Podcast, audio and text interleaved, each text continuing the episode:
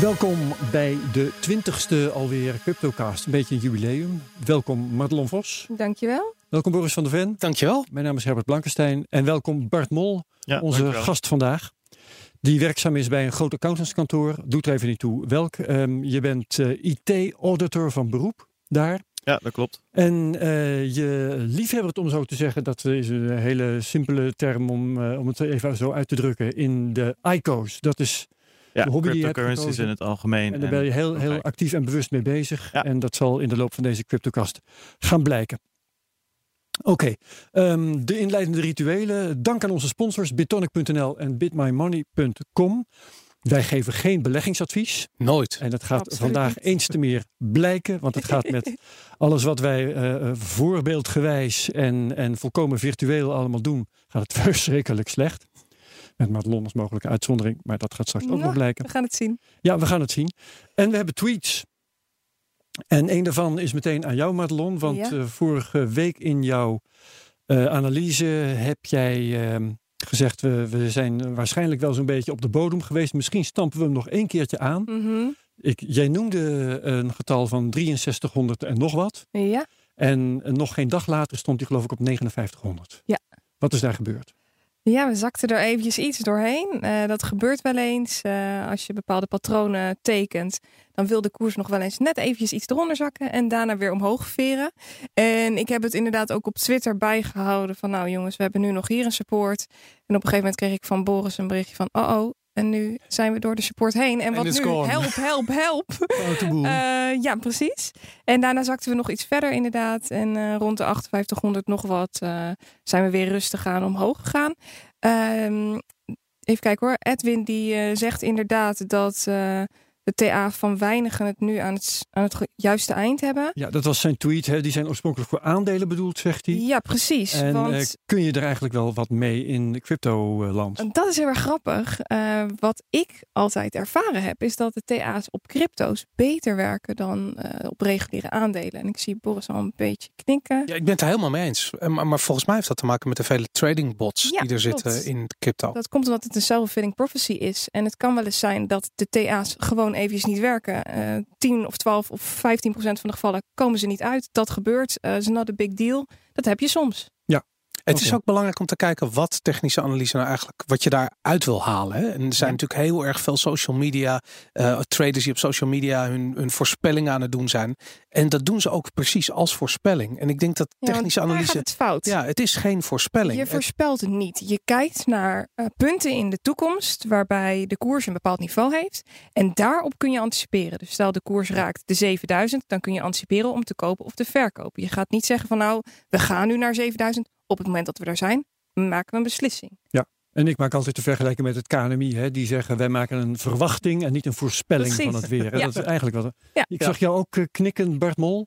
Nou ja, En ik, ben ik, jij ik heb er niet. bezig met eh, Nee. technische analyse? Nee, ik, ik, wat ik vaak hoor is zeg maar, je bent of een holder of een trader, zeg maar. Ja. En ik denk dat daar nog wel een, een, een derde categorie is dat je daartussenin zit. En, want ik zie mezelf niet puur als holder.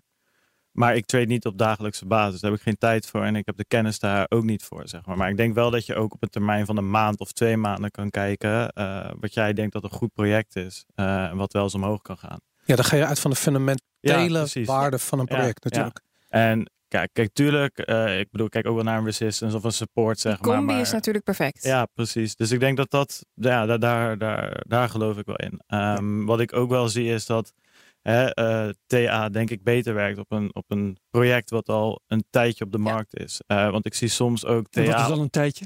nou iets als Bitcoin. Of maar in ieder geval niet ja. op een ICO die net drie weken op de markt is. Nee. Weet je, daar zie ik soms ook van ja, we zitten nu op support. En dan denk ik, ja, hoe kan je dat nou weten? Want Bitcoin is net, eh, die is net klopt.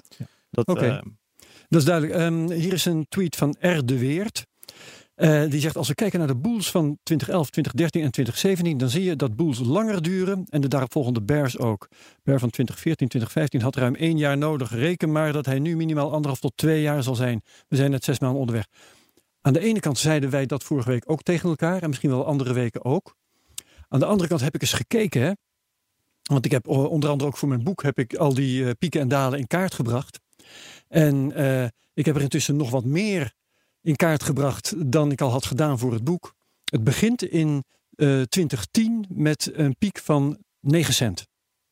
9 dollar cent. En een paar dagen later staat de bitcoin op 5 dollar cent. Gigantische sprong. 44% daling. Ja. Nou ging dat in twee dagen, dus inderdaad ging het toen heel snel. Maar de bewering van R. de Weert is dus dat het eigenlijk steeds langzamer gaat. En dat Ja. is niet waar. Nou, wat, wat hij zegt, ik- denk ik, het komt uit de technische analyse, waarbij je, we, we hebben een gigantische blow-off gehad in eh, eh, December. eind december, begin januari. Ja. En bij zo'n blow-off met dat volume hoort een bepaalde eh, correctie. En, en dat, dat, dat heeft zijn tijd nodig. Ik snap wel wat hij bedoelt. Alleen het grappige is dat crypto is crypto. En dat laat zich niet zo vangen. Op het moment dat je denkt van nou, dit gaat zeker gebeuren. Ga er maar bijna vanuit dat het tegenovergestelde gaat gebeuren. Dat is tenminste mijn Dat ervaring. een grote wijsheid, ja. Ja, en, dat, en met andere woorden, we zitten hier met z'n allen eh, gewoon eh, te filosoferen over wat er gaat gebeuren. Maar ik, ja, ik heb me ooit laten vertellen, het is heel moeilijk om eh, dingen te voorspellen. Vooral als die zich afspelen in de toekomst. Daarom. En dat, dat is hier absoluut het geval. En eh, waar ik nog tegen wil waarschuwen, is heel, in eerste instantie denk je heel makkelijk van, ik, hè, we hebben een piek gehad toen en we hebben een piek gehad toen en daar gebeuren eh, bepaalde dingen tussen die zich herhalen. Maar het is heel moeilijk om te bepalen wat je dan een piek noemt die je in de overweging betrekt en, En, welke ja. niet. En vanaf wanneer je kijk- consolidatiefase hebt, klopt. Als ik kijk naar pieken tot maximaal 30 pro- of eh, ja, tot maximaal eh 30% daling. eh, dan krijg je een ander beeld dan wanneer je kijkt van pieken tot maximaal 50% daling. En die Ja. verschillen zijn echt heel groot. En Ja. kijk je naar 50% en meer daling, dan zijn het er eigenlijk maar drie geweest tot nu toe. Ja. En dan kun je helemaal geen statistiek op Maar bedrijven. in theorie eh, klopt het wel wat eh, deze meneer zegt. Want het is natuurlijk wel zo dat om de bitcoin nu met 1 dollar te laten bewegen, is daar veel meer geld voor nodig. Dat is waar. En dat heeft niet meer, meer tijd nodig om dat er naartoe te brengen. Dus in principe klopt het. Maar als ik nu nog even heel snel de grafiek erbij pak, dan is het wel grappig om te zien dat de rally eh, eind 2013, dat die langer duurde dan de rally. Sorry, ik zeg het niet goed. Dat de rally begin 2013 langer duurde dan de rally eind 2013. Ja. Dus het is niet zo dat Ja. Over tijd dat het dan steeds Ja. langer duurt. Je moet de rally naar eerste 200 rally duurde dollar dus langer. vergeleken met de rally naar 1100 dollar. Precies. Ja. Ja. Ja, en bij, de, bij deze discussie ga je al heel snel uitkomen bij wat veroorzaakt dan zo'n rally. En dat eigenlijk weet niemand dat. We krijgen nu pas een beetje informatie over wat er in 2017 nou eh, werkelijk gebeurd is. Eh, veel verhalen over eh, bijvoorbeeld begin van het jaar heel erg veel volume zat er in China. Dat bleek ontzettend veel wash trading te zijn. Dat is verhuisd naar Wat eh, voor trading? Fake. Uh, Wash trading. Dus mensen die zichzelf Oké. eh, eh, cryptocurrencies aan het verkopen zijn. Ja. Hun Oh, eigen ja. portfolio de hele tijd aan het rondpompen. Waardoor het volume omhoog gaat. Ja, goed, ja, enzovoort. ja, Je- ja. Je, blijft met hetzelfde over, maar de prijs gaat omhoog. Ja. Ehm, dat is ver- verhuisd naar Japan en Zuid-Korea. Nu beginnen de Japanse eh, autoriteiten op te treden. Eh, dus zien we waarschijnlijk een verhuizing naar misschien wel Malta toe. We weten het niet. Dat, is, dat ligt in het lijn der verwachting. Ehm, maar dan ga je dus dat soort discussies hebben van wat is er nou aan de hand? En dan zie je wel een soort van dat is waarom crypto crypto is. Het is niet gereguleerd. Eh, het is letterlijk het wilde westen. Alles kan gebeuren. Als er morgen een gigantische whale opstaat en die, die begint de markt te manipuleren eh, met een miljard bijvoorbeeld, wat zomaar zou kunnen. Ja, dan, dan zet je de markt naar je hand. Zo klein is het nog. Dus wat dat Ja. betreft, ja. Volgende tweet van Loederen, die heeft al eerder eh, eh, tweets ingeleverd. De hashrate blijft gewoon stijgen en er is, hoort een grafiek bij van bitcoinvisuals.com, die zal ik in de show notes zetten. Ehm, vraag me af of dit security niveau vol te houden is. Leuke site met alle bitcoin info en onder andere de hashrate. Nou, bitcoin visuals dus. Ehm, is er een van jullie die dat, dit kan toelichten, bevestigen, weerleggen? Ja, of het security niveau, met andere woorden, of er zoveel mensen gaan minen tegen verlies. Want dat, ja, is het opmerkelijk dat die hashrate blijft stijgen bij dalende koersen? Daar nou, dat zegt eigenlijk wat over de verwachting die miners hebben over de toekomstige prijs van Bitcoin. En ja, Ja. eerlijk gezegd, dat is is denk ik, dat is waarom we hier ook letterlijk staan. Als wij zouden zeggen dat het morgen nul was, Gingen we dan zouden zitten? de crypto, ja, gingen we zitten Ja. bij deze podcast. Inderdaad. Nee, oké, dat is dan duidelijk. Bedankt Loederen.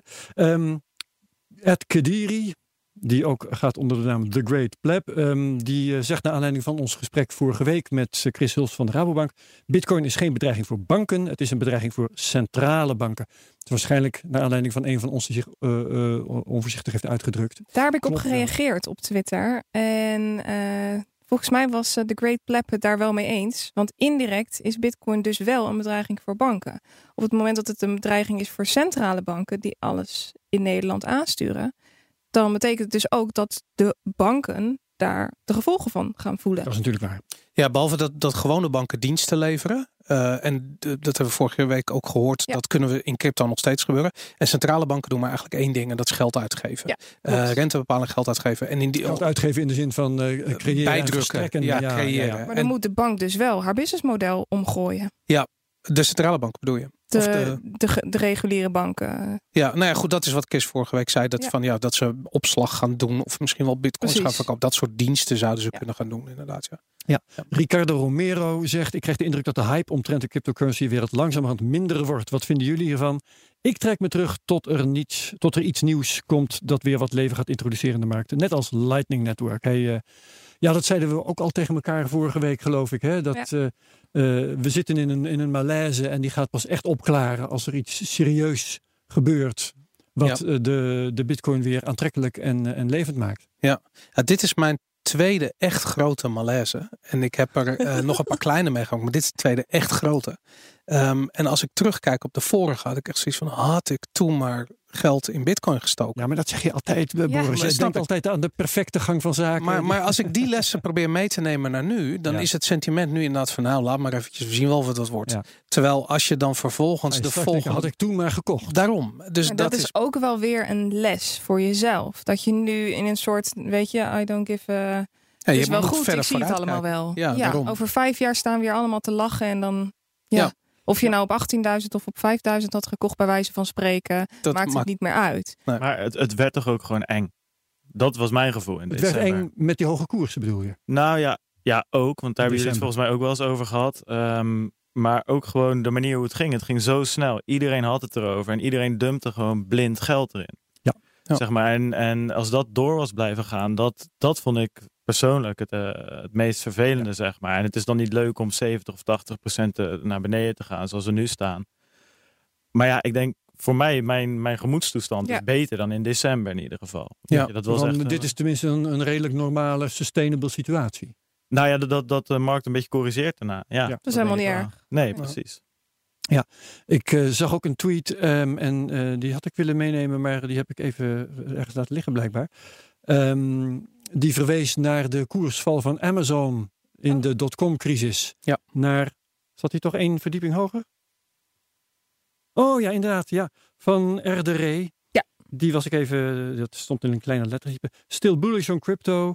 Het aandeel Amazon verloor ooit 95% van zijn waarde en daar kunnen we van leren. Ja, want dat weet ik dan uit mijn hoofd, is daarna, ehm, nou, eh, weet ik veel. eh, Was er ergens rond de 50 100 of tot 200 100 keer in waarde toegenomen. Ja. Want het staat Oh ja. nu, ik weet niet uit mijn hoofd, op 700 dollar of zoiets. Ja, hij ging is van, onder de 10 eh, geweest. Van ongeveer 94 naar eh 5 dollar. Ja. En hij staat nu op eh 1700. Ja, je Zo, nagaan. En die vergelijking met de dotcom crash is veel gemaakt. Hè? Er is een, een correctie. Maar er is natuurlijk ook wel serieus wat aan de hand met nieuwe technologie. Ja. En dat gaan we in de toekomst weer merken. Maar Nou, aan, wat de, aan, de andere, sorry, mogelijk. aan de andere kant, pets.com Ja. heeft ook 95% verloren en die is nooit meer teruggekomen. Nee, dus zeker. dat is natuurlijk hè, de, Ja, de, zeker. de. Ja. de Amazon-vergelijking wordt, die zie je op Twitter altijd voorbij komen, net als de, de Wall Street cheat sheet en dat soort dingen. Die blijven maar gepost worden. En er is Ja. natuurlijk ook een andere kant aan het verhaal. We hadden toen ook factcompany.com. Hè? Dat, eh, die verzamelde verhalen over bedrijven als pets.com, Ja. inderdaad bijvoorbeeld, die over de kop gingen. Ja. En ik weet niet of we al een site fuckedcoin.com hebben, maar in ieder geval... eh, Vast wel. En anders Ja. is hij er morgen, denk ik. nee, maar- Goed, ehm, dan hebben we Syscoin 23. Die zegt, je hebt het vast al gelezen, maar ik ga, zou graag jullie mening willen weten over het volgende.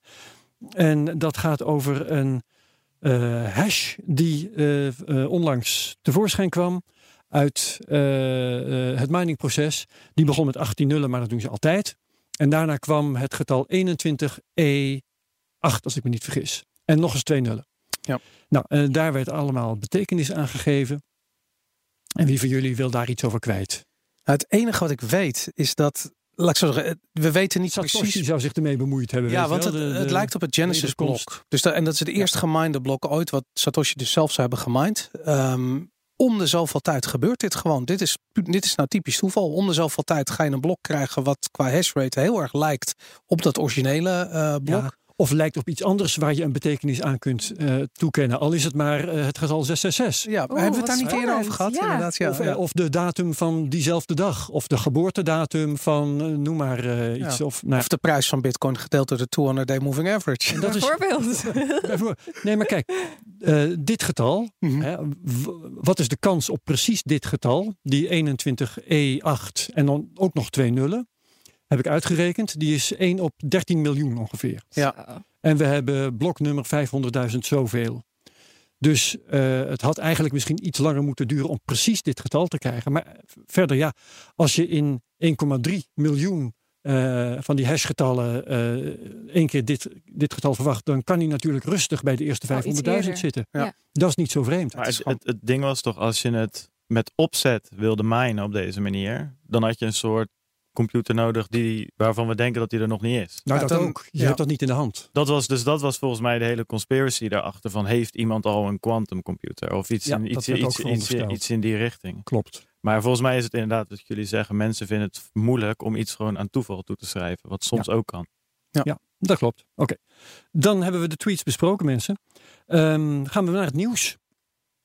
Eh, Bart, jij eh, wilde een nieuwtje bespreken over de 51 Ja, het was een, ik heb een beetje lopen zoeken en ik had niet zo heel veel interessante dingen gezien. Maar dit vond ik wel een leuke om eh, op tafel te gooien.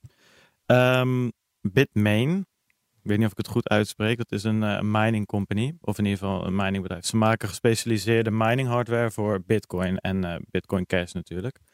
Ehm, dus dat is apparatuur, een soort van computers die één ding heel goed kunnen en dat is Bitcoins minen. Ja. Eigenlijk zijn voor de rest nergens, nergens goed voor. En die hebben dus ook twee mining pools. Volgens mij Endpool en BTC.com. Ja, Ja. precies. Mhm.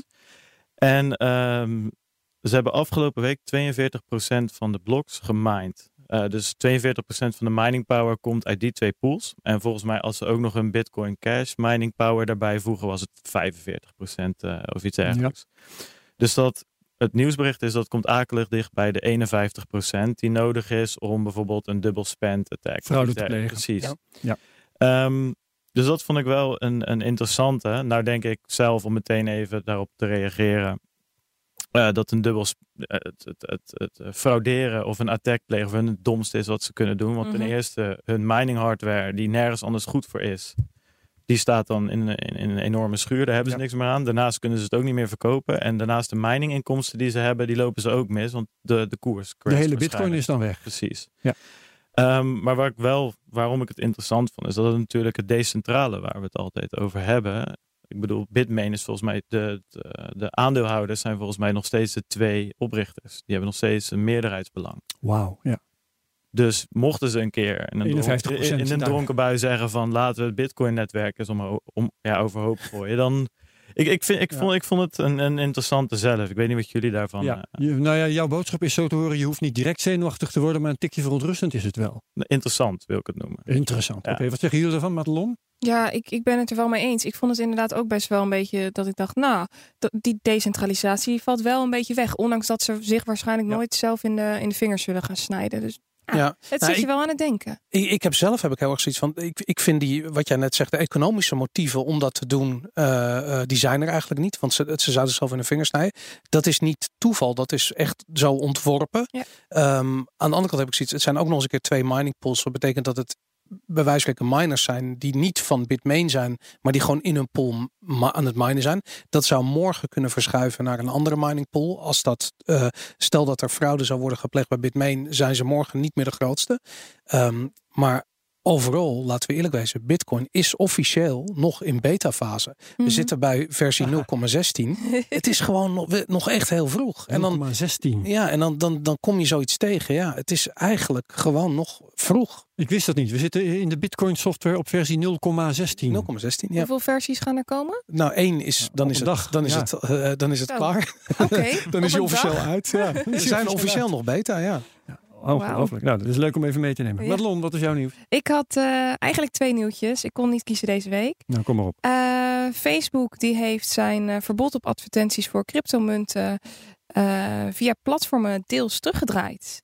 dat vond ik wel een hele interessante. Want we hadden het laatst over, over Facebook of, en, en over Bitcoin. En toen werd er gezegd van nou, ik denk dat Bitcoin eerder nou, ten gronde gaat dan Facebook. En ik zat toen eens te bedenken, toen we later de studio. Geloof ik dat wel? Ik denk eerder dat het andersom is. Misschien gaat Facebook wel eerder ten gronde dan de cryptomunten. En ik vind dit wel echt een, een, een vreemde zet ook. De reclames voor uh, binary options en voor ICO's, die zijn nog steeds niet toegestaan.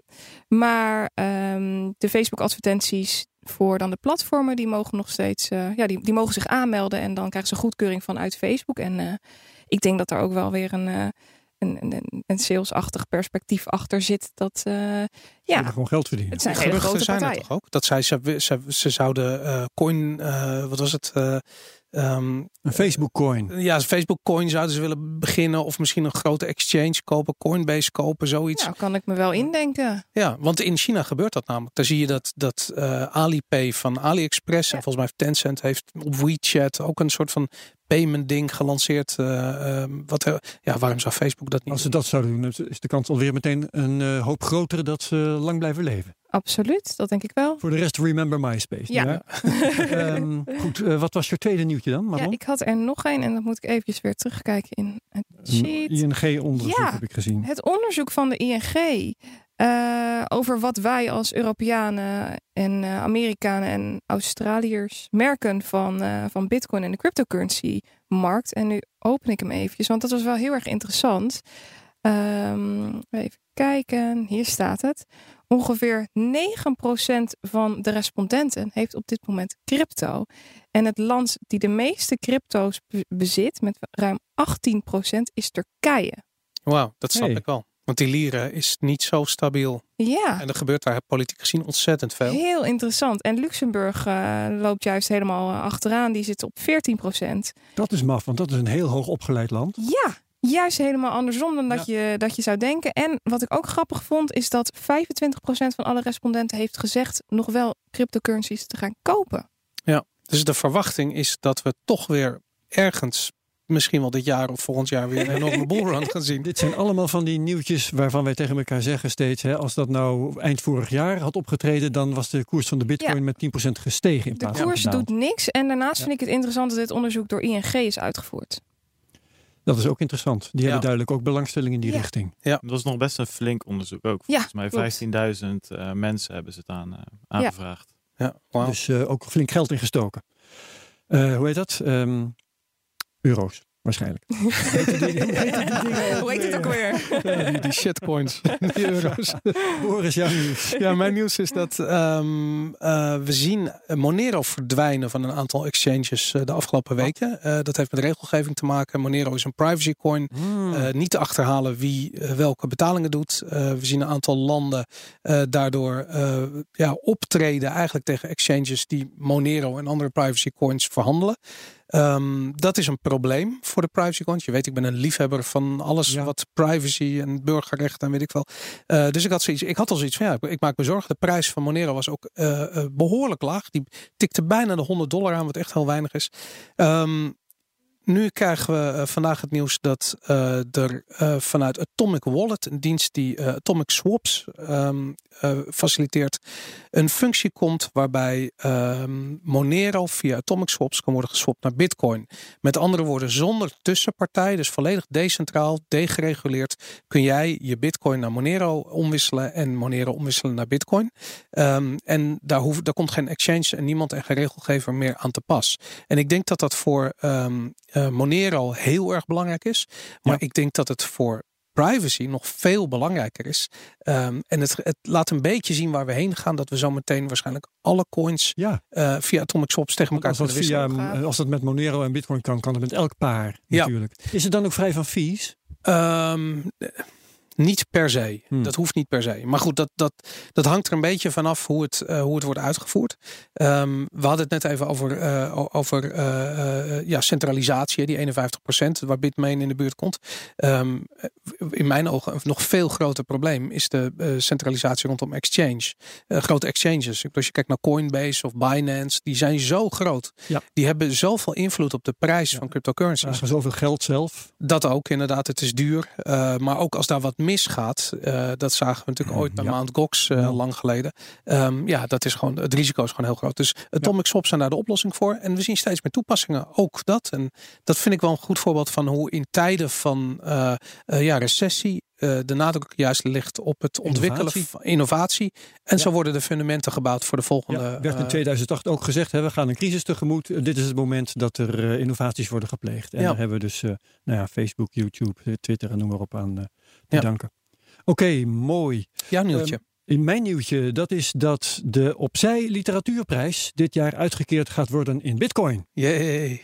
En eh, ja, het is een beetje verdacht dat wij dat melden, want eh, het is onze sponsor die erachter zit. Ja. My Money, die eh, stelt die halve bitcoin die het prijzengeld dan vertegenwoordigt, stelt die beschikbaar. Ehm, maar dat is dus wel heel leuk. En een spannende vraag is, ja, een schrijver gaat dat dus krijgen. En ik heb vooroordelen over schrijvers. Die zijn over het algemeen niet zo heel technologisch aangelegd. Misschien is dat bij eh, geëmancipeerde eh, vrouwelijke schrijvers Misschien is dat dan wel heel anders. Maar toch heb ik voor de zekerheid even gevraagd aan Den- Dennis Binnekade van Bit My Money. eh, wat ga je nou doen als die prijs toegekend wordt aan iemand die zegt... maar ik weet niet eens wat het is, laat staan wat ik ermee moet. Die krijgt dan speciaal hulp van Bit My Money. Ik heb gezegd, Dennis, je bent on the record. Ja, die krijgen dan persoonlijke hulp van eh, Bit My Money... om ehm, eh, die bitcoin te kunnen hanteren. In de vorm van jouw boek, hoop ik ook. Eh, dat heb ik met Dennis niet besproken, maar dat zal ik dan straks alsnog even doen. maar ik neem aan dat ze echt even eh, eh, een wallet voor ze aanmaken en eh, iemand sturen om te helpen daar ook iets eh, mee te doen. Ja, Lijkt ik ben wel benieuwd of ze die bitcoin dan gaan aanhouden. Of dat ze die dan gelijk om gaan zetten. naar- Nou, de prijswinnaar gaan wij dus even uitnodigen, denk Ja, ik. dat Ja. lijkt me ook. Ja. ik ben heel benieuwd. Ja. Ik ben ook benieuwd. Een interessant gesprek mee voeren. Of het nou een, een bitcoin-kenner is of niet, dat wordt een- sowieso een heel interessant gesprek, lijkt mij. Ja. Madelon, je bent aan de beurt. We gaan het hebben over de prijs. Hadden we net al een beetje. We gaan er even eh, voor staan hoor. Betrekkelijk Oeh. droevig verhaal, volgens mij. Ja, wat was dit weer een week? Eh, dat kan ik wel stellen. Ja. Vorige week gaf ik aan dat we, nou ja, toch wel nog één belangrijke steunlijn over hadden binnen onze symmetrical triangle. Dus de mooie driehoek die we hadden staan. En eh, daar braken we uit. En ik dacht, nou, we gaan die bodem nog even één keer aanstampen. Ik heb ook aangegeven, nou, we hebben nog een, een mooi schouder-hoofd-schouderpatroon. We zouden dus op zich nog wat omhoog kunnen, maar het is op de vier uur grafiek. Dus ja, you never know. Ehm, daardoor is, eh, is een patroon iets minder valide. Dus ik ben gaan kijken op het iets kortere timeframe. En ja, was toch niet zo, eh, niet zo heel erg positief. Het volume liep achter. Het volume loopt nog steeds achter. Dat doet het al een poosje. Daar maak ik me nog steeds wel wat zorgen over. We zijn onder die steunlijn uitgebroken. En daarna riep ik dus nog op Twitter van nou, we hebben nog 6133. Ja, En ik zag jouw Twitter van jongens, raak niet in paniek. rustig Komt blijven. goed. En iedereen werd boos dat ik maar zo positief bleef. Dus op een gegeven moment dacht ik, jongens, zoek het allemaal lekker uit. Eh, dus die, eh, die 6133 was het punt voor mij om te zeggen, ik, eh, ik ben weg. Ik ben eruit. Ja. En daarna hadden we positieve divergentie. Precies. Hadden we positieve divergentie op de twee uur grafiek. Dus eh, daarna konden we er weer in. En dat was inderdaad rond die 5800 nog wat. Wat ik ook op Twitter toen, eh, toen aangaf. Dus we zitten er weer in. Dat is Ja. wel een fijn gevoel. en, eh, en voor nu, ja, ik vind het heel lastig om te zeggen. En wat ik nogmaals wil benadrukken is dat je met technische analyse niet de toekomst gaat voorspellen. Maar dat je probeert te anticiperen als er Ja. bepaalde koersen worden geraakt. Kansen weegt. Ja. Precies. Je, je maakt een bepaalde afweging van, nou, als dit gebeurt, dan doe ik dat. En als dat gebeurt, dan doe ik dat. En dan is de potentie groter dat we omhoog of naar beneden gaan.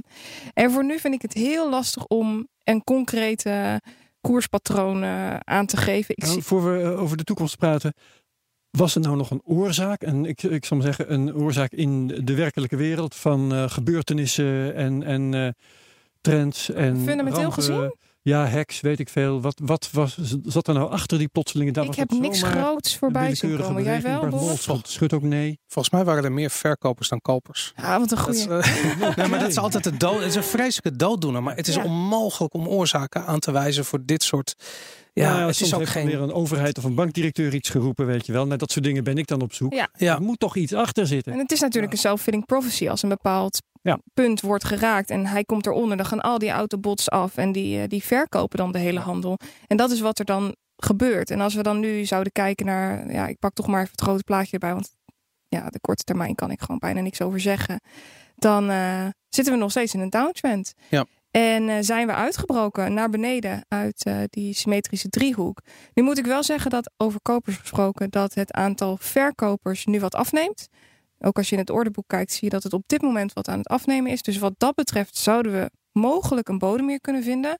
Maar dat is echt op de hele korte termijn. Dan kijk ik op, op dagbasis. Uh, kan ik hooguit over twee dagen wat meer over zeggen. Ja, ik had jou nog eventjes net aangesproken over de Mare Multiple. En dat is een, uh, ja, de econoom Trace Mayer, een van de ja, eerste uurs Bitcoin uh, profeten eigenlijk, wil ik zeggen. Ik, ik, ben een groot fan van die man.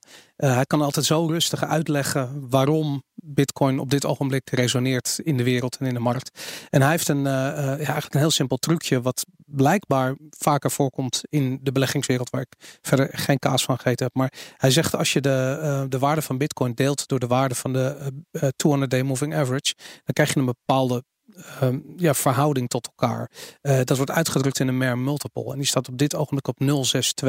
Dus Bitcoin is dit ogenblik uh, uh, ja, ongeveer op 62% ten opzichte van de, van de 200-day moving average. Ja. En dat zegt eigenlijk John wat. McAfee ook. Ja, inderdaad. Maar dat, het, het interessante is dat het zel, zeer zeldzaam is dat we zo laag Ja. zitten. Als Dus ik, het gaat niet eh, om de dollarprijs, maar het gaat om de, de prijs ten opzichte van het gemiddelde. Van de historische, Ja. historische ontwikkeling. Daarom. Dus, eh, en het idee is van als je onder de 1 zit, dus onder de 200-day moving average zit, dan is het een goedkoop moment. En zit je erboven, dan is het een goed moment om of vast te houden of te verkopen. Nou, we zitten er nu niet een beetje onder. We zitten er ja, bijna 40% onder. Dus dat is, eh, dat is echt, eh, eh, ja, dat zegt wel wat. Dus dat zou een van de indicatoren kunnen zijn van ja, we, we zitten hier wel ergens tegen een bodem aan. Dit zou wel eens een bodem kunnen zijn. En dat zijn famous last words, want voor hetzelfde geld zitten we morgen op eh, Ja. 2500 De dollar. laatste keer dat dit gebeurd is, is eh, nou, midden 2014, eind 2014. De laatste keer dat we zo laag eh, zijn geweest. En wat is daarna gebeurd? Daarna gingen we weer rustig aan omhoog. Precies. Dus dan zou het een bodem kunnen zijn. Ja. Interessant. Geen beleggingsadvies Heel interessant. Nee, Heel precies. Geen interessant. beleggingsadvies, geen voorspelling. Nee. Ja. Maar een eh, verwachting min of meer. Ja. Oké, ehm, onze beleggingswedstrijd. Boris, hoe sta jij ervoor met je 1000 dollar ooit? Ik moest heel erg lachen. Wij sturen altijd screenshots van eh, onze app waarin we dat bijhouden naar elkaar toe, 's ochtends voorafgaand. Ja. En ehm, eh, Herbert, jij en ik waren elkaar genaderd op 10 cent verschil. Ik sta, eh, vanochtend stond ik op 448 dollar eh, 58. Ja. En ehm, ja, nu? de, de historisch laag voor mij. Ja. Ehm, vorige week was het volgens mij nog 500 nog iets. Ja. Ehm, ja, ik, ik, ik kan niks anders zeggen. Dat, iedere keer als ik dat zie, dan moet ik gewoon lachen. En dan heb ik er zoiets van ja... eh, Blij dat het weer virtueel is. en, ja, eh, het is en virtueel, fictief. maar Ja. het is ook gewoon. Ik, ik heb bijna zoiets van, nou ja, ieder- ieder- iedere week dan, dan raak ik mijn, mijn, mijn, mijn, connectie met, met dit virtuele spel meer kwijt. Dat ik heb zoiets, ik heb geen idee wat ik hiermee moet. Ik weet niet hoe ik er Nee. wat van kan Je maken. bent ook niet bezig met eh, nog iets traden. Eh, bijvoorbeeld eh, nou ja, je bitcoins in altcoins stoppen. Omdat het misschien een kansrijk moment is. Of juist andersom om verder te verdedigen. Nee, omdat ik eigenlijk, ik ben geen trader. Ik ben veel te emotioneel. Daarom. En dan, dan ga ik de meest stomme dingen doen uit emotie. Dus ik had Ja. eigenlijk wat ik had moeten doen, is aan het begin van het spel. En dan gaan we weer had moeten doen. Precies. Aan het begin van het spel was alles in bitcoin moeten laten. Als ik dat had gedaan, dan had het op dit ogenblik 610 dollar waard geweest. Dus ehm, ja, wat dat betreft, het is dramatisch. Marlon, Ja, bij mij is het ook eh, dramatisch deze week. heel leuk. Ik, Oh. eh, ik zal heel eerlijk met jullie zijn. Ik heb eh, op het moment dat het ja, best wel negatief ging, dat mijn eh stoploss werd gehit, ben ik eruit gegaan. Ik ben daarna langzaam ook mijn altcoin eh, posities gaan verkopen. Ik zat dus nog in Litecoin, eh, Icon, in Cardano en Tron. Zo. Die heb ik er Waarom heb je langzaam die ook, verkocht? op het moment dat... eh, Omdat het een bloedbad paniek. was. Ja, dat er op het moment dat er paniek uitbreekt, wil ik het liefst even terug naar Bitcoin. Kan ik even rustig bekijken wat ik verwacht voor alles. Want op zo'n moment. bitcoin. Nee, nee, nee. Op, zo, op Oh. zo'n moment heb ik een deel van mijn Bitcoin portefeuille verkocht. Ik kan wel even checken hoeveel het geweest is. Ik denk dat ik nog eh, iets van 100 dollar overgehouden heb in Bitcoin. Dat ik wel een deeltje over heb, maar het overgrote deel eruit gedaan heb. En op het moment dat zoiets gebeurt, wil ik eerst terug naar Bitcoin. En ga ik vanaf daar kijken wat gebeurt er nu met de alts. Maar dan En heb je dus verlies geleden. Ook op Tron bijvoorbeeld. Ja. Want dat Ja, vind ik zo dus interessant, geleden. want Tron zit midden in de launch van hun eh, mainnet, Ja. van hun eigen net. En dat betekent dat er veel exchanges hebben de, eh, de handel stilgelegd. Ja. Dat is de reden waarom die prijzen. Je hebt kans dat die zo meteen naar boven. Nou ja, goed, ik geen beleggingsadvies, maar is mijn, is mijn weer, emotie dit is weer. weer maar- emotie. En ik moet daar Helemaal helemaal is gewoon niks trader. mee Ja, doen. dat betekent Ja. dat je nu en dan een keer Helemaal niks. geen En, eh, wat, je, wat, jij ook altijd, wat jij net zegt, is van wat je verwacht dat gebeurt. Dat ge- ik, maar, de mainnet pump, die is zo vaak, eh, hebben mensen dat gezegd, we verwachten dat we gaan naar een mainnet, dus we gaan omhoog. En op het moment dat die komt, stort die in elkaar. Ja. Met meerdere projecten. the Jos Ja, Er zoveel ja. verwachting in de koers. Request Network is er Ja. ook eentje die Ja. zegt. Ja, ja, ja. Oké, waar sta je op, Madelon? Ik sta nu op 535 dollar. Dus dat is eh, ongeveer 20 dollar minder dan vorige week. Maar je bent ons wel echt links ingehaald. Ja, ja, ja. Het staat met vlag en wimpel bovenaan. Ik, eh, ik ben een beetje appels met peren aan het ver- vergelijken, omdat ik de waarde van nu even oproep in plaats van die van vanmorgen. Ehm, moet ik even juist de wachtwoord Dat is wel vals zien in te typen. Nou nee, want ik ben nog een paar dollar lager dan Oh. vanmorgen. Ik sta nu op 446,43. Nee, dan sta ik gewoon. Ik heb eh, eerder deze week op wow. 420 gestaan. Dat is echt mijn dieptepunt so far. Wow. Dus dat is gewoon eh 58% in de min. Wauw. En ja, ik zou kunnen opsommen welke coins daar eh, het meest aan hebben bijgedragen. Nou, ik kan je wel vast vertellen dat eh, een van de grootste catastrofes is op dit moment NIO. Ja. NIO heeft ontzettend hoog gestaan. Heeft gestaan ooit eh, een paar maanden geleden op eh, tegen de 200 dollar. Ja. En staat nu op 24,80 dollar. Dus mijn eh, NIO's staan met z'n allen op, even kijken waar ik nou... eh, nee, ik zeg het verkeerd. De nieuwe prijs staat op 30 dollar en mijn nieuw tegoed staat op 24,80 dollar. Dus ik sta gewoon Ja. 75% in de min. Ja.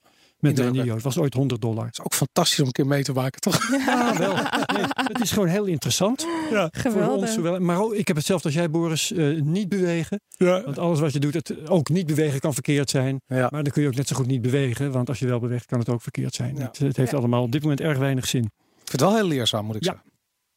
Ja, en dan moet ik jullie nog vertellen van eh, mijn 100 dollar per week project. De Ja. dertiende eh, week is ingegaan. Ik doe het even uit mijn hoofd, want ik heb mijn laptop weer eens achtergelaten op de redactie. Ehm, ik, eh, je weet nog, Boris, dat wij eh, eh, zaten te steggelen over... had ik nou meteen in het begin alles in, wat alles ook zou geweest zou zijn... Ja. in bitcoin moeten steken. Nou, ik heb nu voor de derde week in successie... Mhm. dat ik meer bitcoins heb voor mijn 100 dollar dan in die eerste week. Dan als je, als je dat bedrag wat je uiteindelijk gaat uitgeven in die eerste week had uitgegeven. Ja. Ja, dus ik heb Ja. gewoon nu een lagere koers van de bitcoin dan in die eerste week. Dus het, ik, Je bent nu gewoon goedkoop aan het kopen. de koers is tien weken lang daarboven geweest. Dus toen had ik ten opzichte van die keus die ik had kunnen maken, heb ik nadeel gehad. Maar nu begin ik dat in te halen. En zolang als de koers onder 6800 dollar blijft, eh, maak ik dus goed Ja. ten opzichte van eh, het alternatief. En ik heb nu, dat is wel weer grappig om te melden, eh, voor de tweede keer leg ik 100 dollar in en heb ik een lager totaal dan vorige week.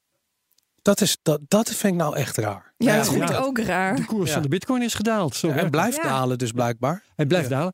Ehm, en eh, ja, eh, dat ga ik later ongetwijfeld goed maken. Maar op dit moment, ik, zo beschouw ik het, ik, ik ben gewoon voordelig uit. Ja. Als ik het vergelijk met jullie. eh, jij- jij kijkt nou heel moeilijk, Madelon. Ja. Maar ik, ik, ik wijs jullie op jullie eigen doel, wat, wat jullie steeds noemen, zoveel mogelijk bitcoins verzamelen. En in die termen ben ik heel goed bezig op dit moment. Want ik heb elke week meer bitcoins voor mijn 100 dollar dan ooit. Dat wel. Ik vind het knap hoor. Ik vind het ook knap. ik ja. ook. Ja. Ja, ik, ik- ik- het is niet knap. Ik heb een, een strategie uitgestippeld, een besluit genomen 13 weken geleden. En dat hou ik vol. Fictief trouwens nog steeds, hè, beste dames en heren, luisteraars. Daarom, ja. Maar In, eh, in principe vlak je de, de pieken eruit. Aan beide kanten. Dat is Ja. wat je doet. precies.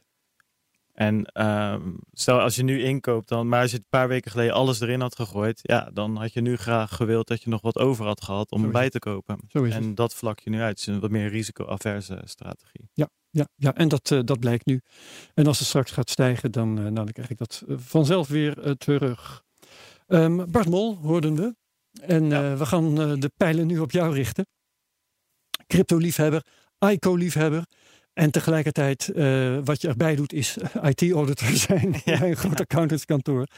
Eh, heel interessant om straks te vragen naar eh, de, de, hoe dat dan met elkaar te verenigen valt. Maar vertel eerst even hoe jij in de crypto bent terechtgekomen. Nou, dat gebeurde is vorig jaar mei, juni gebeurd. Dat was eigenlijk een soort. pas. Ja, ja, ja, toen pas. Zeg maar, toen ben ik pas echt ingedoken, zeg maar, Mhm. zelf. Uh, dat was eigenlijk een soort van mini-variant van wat er in december gebeurd was. Zoals Bitcoin 3000 en Ethereum was 420. En toen stond op Tweaker, stond voor, voor het eerst op nu.nl. Toen dacht ik van ja, oké, dit heb ik nou zo vaak gelezen. Ik wil hier wat meer van weten. Um, toen ben ik erin gedoken en toen ben ik eigenlijk, ja, mijn interesse ligt nu op, oké, maar uh, we hebben een blockchain, we hebben cryptocurrencies, maar wat kan er nu wel? Van de dingen die, die je hoort. En wat kan er nou niet? Wat heeft nou wel toekomst en wat heeft geen toekomst? En dat heeft mij daar eigenlijk ingehouden. Dat is een soort ja, obsessie geworden. En nu weer wat minder. Goede, plek, goede plek gegeven. Heeft dat te maken met de terugloop in de markt op dit moment? Of is het gewoon uh, het aanloopverschijnsel dat je hebt gehad en uh, nu terug naar normaal? Ik denk dat laatste. En een ja. beetje het eerste. Dus uh, ook wel de markt, denk ik. Ik ben heel erg benieuwd hoe je vanuit dat IT-audit oogpunt mm -hmm. kijkt naar de ICO's uh, waar je zelf in bent gestapt. Wat zijn dan die, die keuzes die je maakt als je naar, die, naar, die, naar dat aanbod kijkt? Ja. Nou, ik denk dat een, dat een auditor over het algemeen redelijk analytisch is en een beetje sceptisch. Uh, een beetje advocaat van de duivel. Dus ik denk dat dat heel erg helpt in het beoordelen ja. van of een project een Als beetje... je eerder kijkt naar wat er mis kan gaan dan wat ja. er goed kan gaan. Ja, precies. Ja. Zit er dan wel iets wat... Zit er dan wel een goede ICO tussen? Ja, denk ik wel. Ja? Ja, ik, ik, ik denk op dit moment zijn er volgens mij met, met de publieke blockchains zijn er drie grote problemen, misschien vier. Eentje is dat uh, de schaalbaarheid, uh, privacy, zoals je al zei, uh, en security. En vooral security van smart contracts. Zeg maar alle bijna alle hacks die je ziet echt op, op, op, op ICO's. Um, die komen omdat het smart contract niet goed geprogrammeerd is. Of bij Parity had je dat, dat er opeens een paar honderd miljoen ergens in de ether zweeft, letterlijk. en het laatste wat ik zie is de energieconsumptie van proof of work. Ja. Dus waar ik naar op zoek ga, zoek ga of echt naar, naar, naar kijkers en ICO's die daar daadwerkelijk iets voor um, uh, aan een oplossing aan het werken zijn. En hoe spoor je die op? Heel veel tijd erin in steken. Je hebt verschillende websites waar je, waar je kan kijken. Op Telegram, uh, op Twitter heb je een aantal mensen die, uh, die, die niet omgekocht zijn, zeg maar. Of niet, misschien ook wel een agenda hebben, maar wat minder ja. obvious daarmee, daarmee bezig hoe, zijn. Hoe weet je wie betrouwbaar is? Hoe filter je dat? Nou ja, als je zelf daadwerkelijk naar het project gaat kijken en jij komt erachter van dit slaat nergens op en iemand staat op Twitter te verkondigen dat het het nieuwe uh, fantastische project is. Dan kun je ja, die dan blacklisten. Ja, precies. Dan Ja. gaat hij op de blacklist inderdaad. En daar heb je er best wel wat van. En dus dat vind ik kwalijk. Uh, want er zijn een paar hele grote influencers die dat zo uh, obvious aan het doen zijn. Um, ja, dat, dat vind ik, vind ik jammer, want daardoor krijgt het, het hele plaatje weer zo'n slechte, slechte naam. En terecht ook wel voor een gedeelte. Want En bij die, die zorgvuldigheid die je daar nodig voor hebt en, en die afweging van, van wat zeggen mensen, wat doen mensen enzovoorts, daar komt jouw achtergrond-IT-auditor natuurlijk wel goed bij van pas, stel ik me voor. nou ja, het, het kritische wel, ja. Ja. Ja. Kijk, kijk je, als je kijkt naar de. Dus ik, ik ga ervan uit, je kijkt naar de fundamenten van een, van een project. Hè? Ja, ja, ja. Ehm, ik heb één keer gewoon als bewijs van research eh, geprobeerd om mee te doen in een ICO. Dat was van de Key, was een Chinese Ja. soort van, van digitale identiteit ICO. Ja. Ehm, ik, had me, ik had de whitepaper gelezen. Ik was eh, eh, overtuigd van, ik dacht, dit is een goed project. Vervolgens moest ik eh, naar een website die amper vooruit te branden was. Ehm, ik moest eh, eh, Ethereum overmaken waar ik volgens niks meer van hoorde. Ik kreeg een mailtje, niks. Ehm, eh, op het moment suprem, toen, toen echt de, de ICO live ging, ging de hele website plat. Ik kwam er niet meer in. Het was één grote puinzooi. En ik dacht van, dit moet dan een techbedrijf zijn?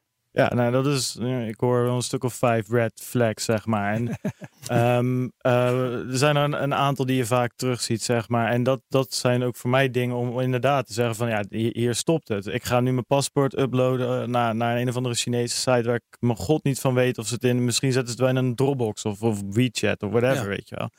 Dus dat is voor mij al een ding. Websites die plat gaan, inderdaad. Eh, sowieso de key, dat, was, dat, dat ging om ehm, eh, persoonlijk, eh, eh, wat ja, een, een, een business ding was, net als Selfkey en Civic, dat ging over eh, ja, eh, ehm, je persoon, hoe noem je dat op de Je blockchain? persoonsgegevens op de ja, blockchain persoonsgegevens Ja. op de blockchain. En Zo, ja. daar heb ik sowieso, als je daar vanaf fundamentals naar kijkt, voor mij in ieder geval heb ik twee dingen. Zeg maar, ik zie dat die business lijkt me best wel een coole use case. Mhm. Alleen ik denk niet dat de overheid dat zomaar eh, helemaal laat varen en daar een of ander Chinees bedrijf voor in de arm neemt. In, in de De West- Chinese overheid misschien. Nou, dat, was mijn idee. Ja, maar- precies. Dat, dat, dat zou nog kunnen. Eh, en ten tweede heb je natuurlijk al die GDPR-dingen tegenwoordig. En dat is op een publieke chain ook best wel lastig. Dus dat zijn in ieder geval de vragen die ik me dan ga stellen, zeg maar. eh, vanuit een fundamenteel perspectief. Maar ja, als ik er daarna achter kom dat die site vastloopt en Eh, het werkt allemaal niet en ik moet mijn Ethereum sturen. Dat is trouwens nog een tweede ding waar ik op in wilde haken. Ehm, bij een goede ICO in mijn ogen is het smart contract waar jij uh, naartoe gaat sturen, staat van tevoren online. Een week of een paar dagen. Ja. en ik, ik ben geen expert, want de, de, de taal waarin dat geschreven is, Solidity, is best wel lastig. Um, maar je kan daar een aantal queries op uitvoeren. Gewoon op etherscan.com bijvoorbeeld. Het zijn altijd Ethereum smart contracts natuurlijk. Um, kan je queries op uitvoeren. Kan je kijken van, nou oké, is, mijn adres gewitelist bijvoorbeeld, werkt dat? Uh, je kan, uh, er zijn uh, mensen in, in de community die daarmee aan de slag gaan en zeggen van, nou, ik heb zeg maar een peer review of er zijn bug bounties, dat mensen zelf een review van dat contract gaan doen. En dan weet je van tevoren, dit contract doet wat hij moet doen. Dus ik één eten stuur, dan krijg ik 100 de keys in dit geval terug.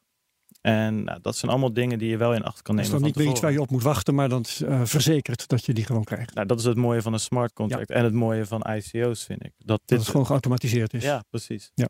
Ja. Ik, ik, heb jij dat, ik, ik zie in mijn omgeving een soort van totale geldgeilheid. Nu is het een beetje voorbij, maar de, de, de, ja. wij spreken een half jaar geleden allemaal mensen in mijn omgeving die kwamen met de meest obscure ICO's aanzetten. En die pakten gewoon, dat ging allemaal vijf, zes keer over de kop. Het moment dat het de exchange raakte. En toen heb, dan heb ik altijd al zoiets van, ja, dan haak ik een beetje af. Hoe lang dan, gaat het goed? Vraag je nee, ja, inderdaad. Dat, precies wat, wat, wat, wat oldschool beleggers hadden toen die prijs van bitcoin in december door het dak ging. Die haken dan af. Ja. Hoe, hoe kijk jij er tegenaan? Nou ja, terecht. Ik zei ook al, ik werd ook bang. Zeg maar, weet je, we hebben natuurlijk mensen die, ik zat er dan ietsjes langer in en dan komen mensen met vragen of we hebben een, uh, een groepje met vrienden, zeg maar, en uh, nou, dan zeg je iets, zeg maar. En op een gegeven moment hebben we dat getest, een random ICO gezegd en mensen die zeiden van ja, is goed, hier heb je geld, weet je wel. Dat is wel, daar schrok ik wel van, zeg maar. En toen ben ik hier ja. ook wat meer mee, uh, mee aan de slag gegaan. En jij noemde een aantal red flags. Ja. Wat zijn voor jou nou green flags? Wat zijn dingen waardoor jij gaat denken: hey, deze ICO die deugt? Um, nou, er zijn, er zijn een aantal dingen. Ik, ik splits dat zelf op in, uh, in, in, in, in drie factoren. Dus de fundamentals, uh, de token metrics en de hype die eromheen zit. En hype vind ik eigenlijk een beetje het foute woord. Ik denk meer dat dat gewoon aandacht is of spotlight of iets in die richting. Ja. Nou, de fundamentals hebben we net een maar dan, beetje... Wacht even, uh, de factor hype even voor de duidelijkheid. Je zegt dus eigenlijk als uh, er voor een ICO veel aandacht is, als het lekker rondzoomt, dan vind ik het interessant alleen al omdat dat gebeurt. Want dat betekent dat je een goede kans hebt dat, het, dat die over de kop gaat. Nou ja, kijk, kijk, het ding is een beetje, ik wil wel in goede projecten zitten. Maar aan de andere kant, het is wel, je investeert wel. Je weegt het dus mee. je wil wel, als je zeker weet van ja, dit, dit verdwijnt direct. Uh, uh, gaat down the drain. Ja, waarvoor zou ik dan in de ICO investeren? Dan kan ik Ja. het net zo goed later op een exchange oppikken voor, voor 80. Dus die hype is, je, je licht hem als eerste toe, maar dat is wel eh, de laatste factor die echt van Ja, belang ja, dat is voor mij het Ja. minst belangrijk. Daar ben ik nou heel benieuwd naar. Want ho- hoe zit dat precies? Je bent in 2000, vorig jaar, afgelopen jaar ben je begonnen, 2017. Ja. Eh, Ja, toen heb ik er zeg maar echt skin in de game. Zeg Ja. maar. eh, toen begon de markt een beetje te lopen en ging het allemaal wat harder. Op een gegeven moment had je die hele erge hypefase in december en stortte de markt in. De ICO-markt zag je ook dat er steeds minder ja, vraag naar was. Dat mensen een beetje zo hadden, ja, die ICO's, laat allemaal maar zitten. Kijk je dan nu op een andere manier naar de term hype of, of de aandacht die er omheen zit? Ik heb namelijk wel eens in een Telegram groep gezeten met 60.000 mensen en ook wel eens nu afgelopen periode in eentje met Ja. 10. 10.000 mensen. Nee, daarom is, het, daarom is het de combinatie. En dat is een hele goede vraag. Het is ook, het is ook een, een extra, zeg maar. Ik heb ook volgens mij, er was een tijdje terug, de eerste ICO die, die, die Telegram ertoe dwong om de, groeps, de maximale groepsgrootte te verhogen naar 100.000 in plaats van Mhm. 40.000 of zo. Ja, die ICO, daar, daar, daar heeft nooit meer iemand wat van gehoord daarna. Die hebben een fout, paar fouten gemaakt en niemand was meer geïnteresseerd. Dus het is niet, weet je, als je 100.000 volgers hebt, dan komt het wel goed. Mhm. Ehm, maar het, het, geeft, het, het geeft ook wel wat aan of er interesse is, of er mensen, of er mensen naar kijken. En niet alleen hoeveel volgers het heeft, maar ehm, zo, ja, ik heb nog wel een paar, een paar andere dingen. eh, Nou, je, noemde net fundamentals. Ik ben wel benieuwd wat die fundamentals precies zijn. Nou, ik denk, ehm, ik kijk naar het team. Ehm, wie zit er daarin? Ehm, bijvoorbeeld, nou, voor mij het beste voorbeeld voor dit is Silica. En dat vond ik grappig dat het een paar weken terug door die trader eh, genoemd werd. Robert, ja. Robert Nas, ja. daar, ja, ICO's in december volgens mij. Ehm, die hebben een team, dat zijn allemaal, eh, die zijn allemaal gepromoveerd op computer engineering, op wiskunde, op cryptografie, dat soort dingen. Dus ze hebben echt wel, en dat kan je ook wel tracken van, dat zijn eh, wel, wel, wel, gasten die er wel iets van weten. Eh, ik ben naar een meetup gegaan van hun hier in Amsterdam. En ja, dan kan je jezelf je vragen stellen. Dan kan je eens testen van komt daar wat op terug? Of hebben ze gewoon een fake LinkedIn profieltje in elkaar gezet? Dus op die manier kan je kijken van oké, is dat team, is dat, is, dat nou, is dat nou echt wat? Daarnaast het idee waar we het over gehad hebben. Is het een goed idee? En heeft het überhaupt een blockchain of een token nodig? Dat is ook nog wel eens de vraag. Um, ik kijk naar de... Er zijn ook ideeën waar de, de token meer met de haren bij is gesleept om ja, iets te verkopen te hebben. Om, ja, om een ICO te kunnen doen. Dus het moet echt toegevoegde waarde hebben, die, die token of die coin. Ja, en dat vraag ik me, daar ben ik nog steeds naar op zoek. Voor heel veel op Ethereum gebaseerde uh, projecten vind ik het soms het project heel erg goed. Het token heb ik dan zoiets van, ja, waarvoor? Dat wordt aan, het is niet nodig, je kan gewoon uh, Ethereum gebruiken. Zeg maar, als ik een soort van PayPal op Ethereum of op uh, Ethereum wil launchen, Waarvoor zou ik dan een los token moeten hebben om de fees te kunnen doen? PayPal heeft toch ook geen los token? Die pakken toch ook gewoon euro's of dollars? Maar, maar als ik even advocaat van de duivel mag spelen. Ja.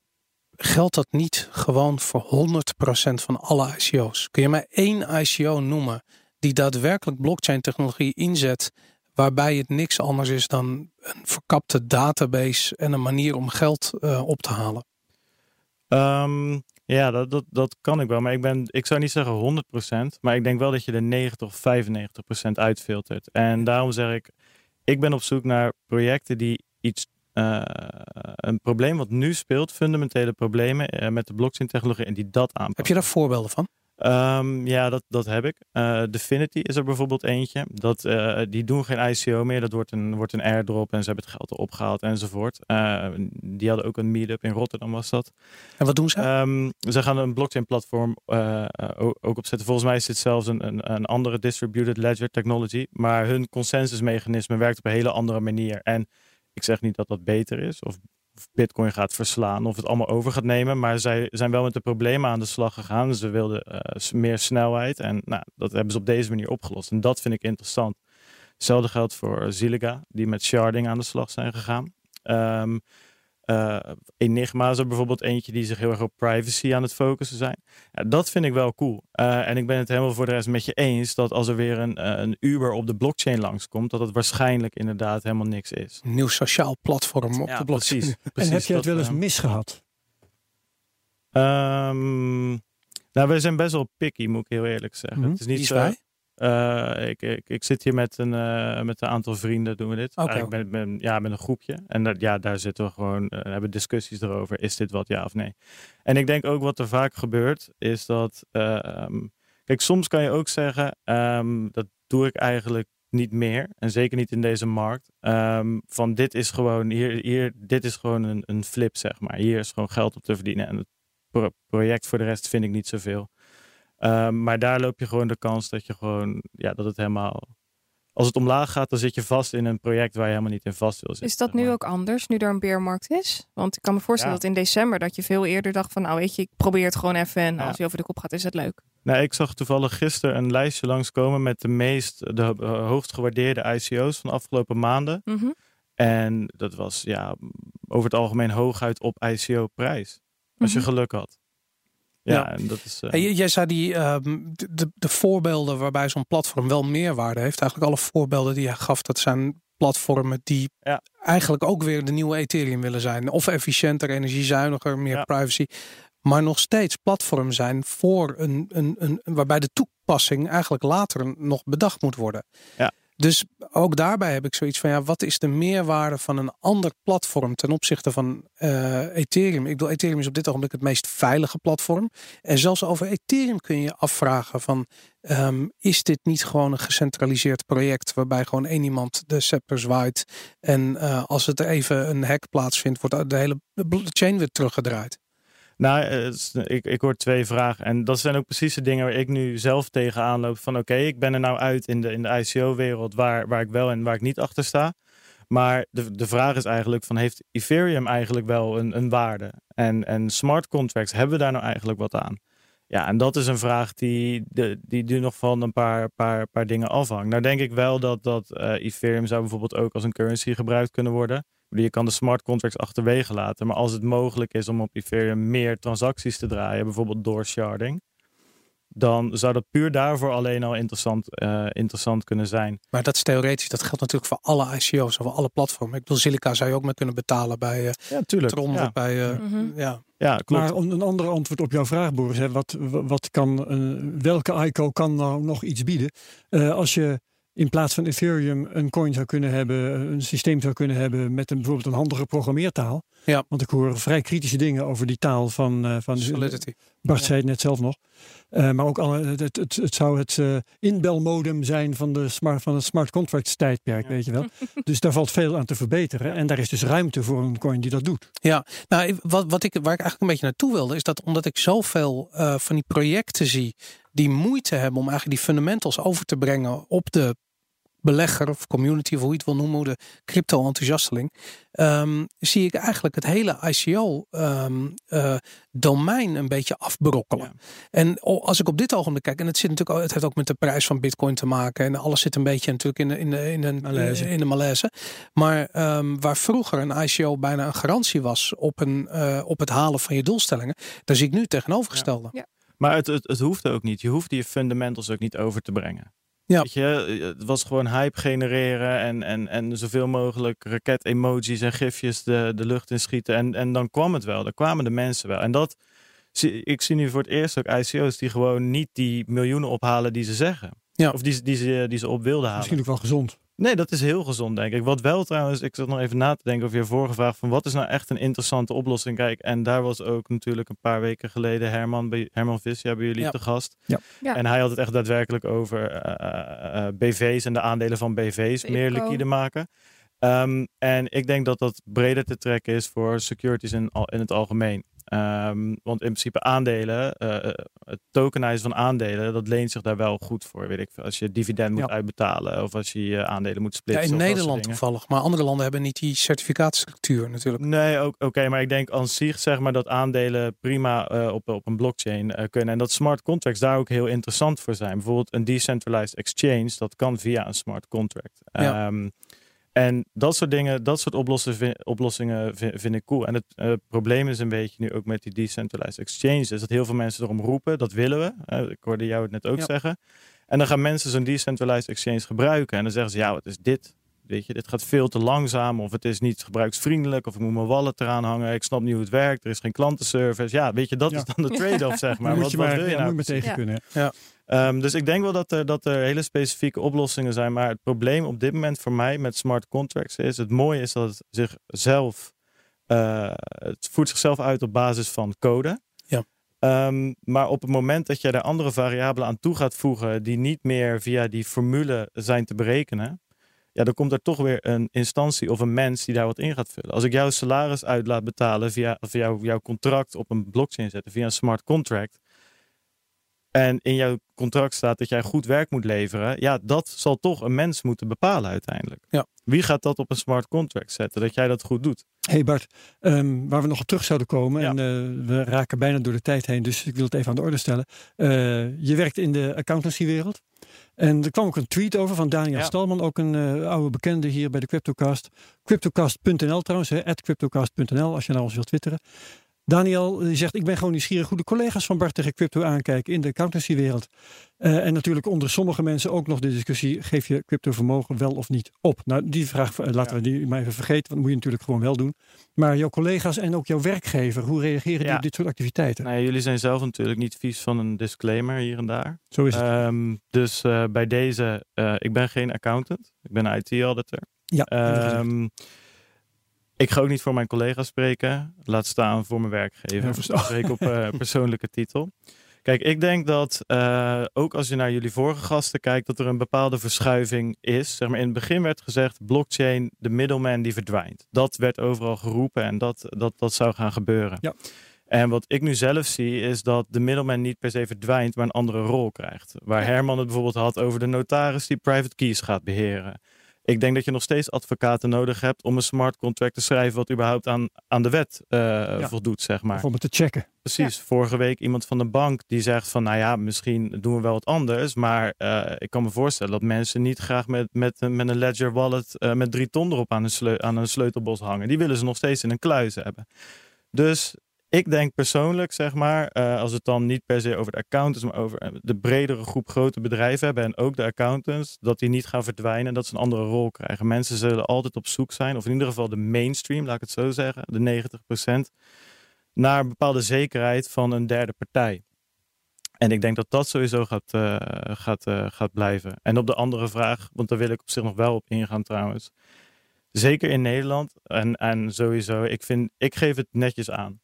Hm. Ik vind het, uh, ik vind het. Lijkt me erg verstandig. Ja, maar verstandig, maar ik vind het ook onzin. Uh, om, om, het, uh, om het niet te doen. Ik heb zoiets van ja, weet je, maar dat is mijn persoonlijke idee erachter. Kijk, je, je leeft in, in, in een verzorgingsstaat Nederland. En ik pluk daar ook wel echt de vruchten van, van de, de voorzieningen die Nederland mij biedt. Ja. ja. en dan die en het is ook nog zo in Nederland dat je volgens mij anderhalf procent betaalt. Zo is het. Hè, eventjes uh, mm. afgerond. Ja. ja, over die procenten die er in crypto verdiend worden. Als je het dan achter gaat houden, denk van ja, nou ja, ga dan ook maar meteen lekker echt op een hutje in de hei wonen. Hey, heb je toevallig, we, we moeten daar een keertje, we hebben het er al over gehad, dat we een aflevering zouden moeten wijzen uh, aan hoe de Belastingdienst omgaat met controle. Ja. ja. Wordt er uh, gewerkt trouwens, ik ben daarmee bezig. Oh, geweldig. Nou, dat, dat lijkt me heel interessant. Maar uh, heb je daar inzicht in, kennis over? Nee, ik heb daar totaal geen kennis in. Uh, zeker omdat ik, ik bezit zelf geen huis. Ik heb, mijn, mijn belastingaangifte is echt gewoon doorklikken wat ze zelf ingevuld hebben. Maar ik had dus eerst voor het eerst dit jaar wel opgezocht van hoe dat nou, hoe dat nou zit. En voor mij is het zo, ja, ik, heb, ik zat, ik zit, ik zat in ieder geval, ik zat onder die grens. Ik heb dat aangegeven. Ja, ik, ik, ik denk dat er zat dingen te bedenken zijn hoe ze dat niet kunnen controleren. Ik bedoel, uh, je ziet natuurlijk wel in Amerika dat daar op een gegeven moment bij Coinbase is gevraagd van nou, laat maar eens zien welk naampje er aan welke wallet zit. Want ja. als je dat hebt, dan kan je mijn complete transactiehistorie herleiden ja. natuurlijk. Ja. Het is natuurlijk niet totaal anoniem.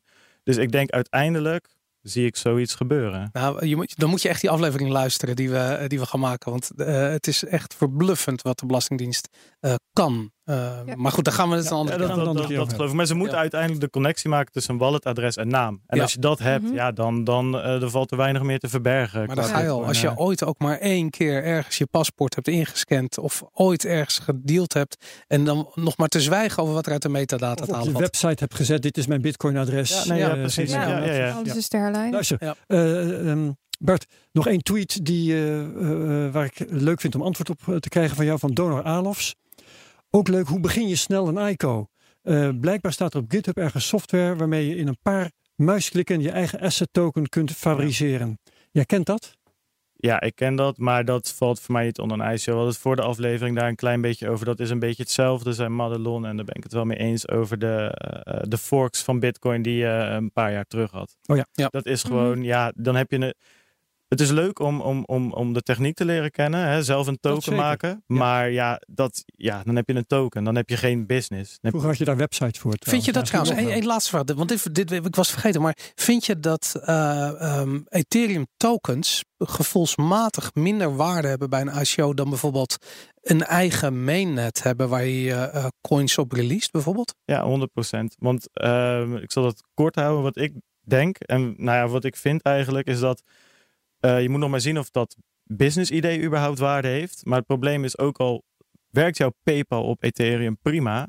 Op het moment dat Ethereum niet schaalt, of het moment dat de adoptie van Ethereum achterwege blijft, dan um, heb, je uh, heb, je een probleem met je eigen project. Dus je bent altijd afhankelijk van iets wat buiten jouw, uh, ja. ja. buiten jouw handgreep ligt, zeg maar, buiten jouw influence. Dus ja, dat heeft voor mij minder waarde. Ja. ja. Oké. Okay. Hm. We hadden te gast Bart Mol, yes. IT-auditor en um, ja, ICO-expert. Zo mag ik het wel zeggen. Hè? Met je eigen podcast. Eigen podcast, ja. ja ik wilde hem zelf niet al te hard pluggen nee, natuurlijk. Maar je zet hem in de show notes, maar noem hem één keer. Uh, mijn podcast is uh, Satoshi Radio, dus www.satoshiradio.nl. .nl. Daarmee beconcurreert Bart ons met de CryptoCast. Ik vul jullie aan, conculega's. Okay, ja, ja, ja, ja. Goed, dankjewel. Ook bedankt Boris van der Ven. Yes. Ook bedankt Madelon Vos. Dankjewel. Nog vergeten te zeggen, uh, mochten jullie nog geïnteresseerd zijn in de technische analyse, ik heb weer een video op YouTube uh, klaarstaan. Daar gaan we naar linken. Yes. Oké, okay, mijn naam is Herbert Blankenstein. Ik uh, dank iedereen die heeft geluisterd en heel graag tot de volgende CryptoCast. Ja.